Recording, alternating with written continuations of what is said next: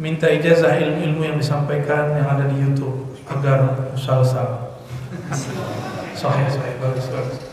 Emang begitu kalau orang sudah dapat ilmu, sudah baca buku, ingin diri minta diridhokan, dihalalkan ilmunya. Dengan ini siapa pun yang hadir, saya izinkan untuk menikmati, menyerap, mengamalkan kajian-kajian yang ada di YouTube. Tapi dari channel yang resmi. Kalau yang lain saya nggak tahu dipotong-potong, ya. Ya, saya sebenarnya nggak punya channel, belum punya channel. Banyak yang yang ngajak ayo buat dong official Hasid. Takut nanti saya tamak sama duit YouTube. Ya.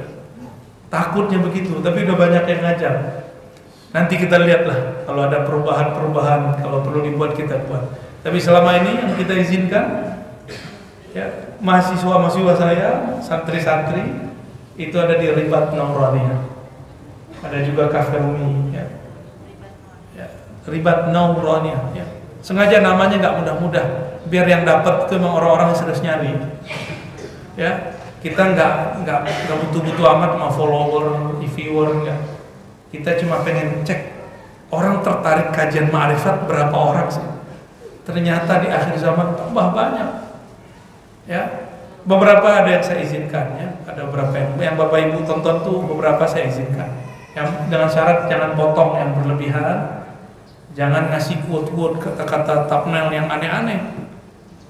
Di luar itu eh, nggak uh, jaminan saya ya. Baik.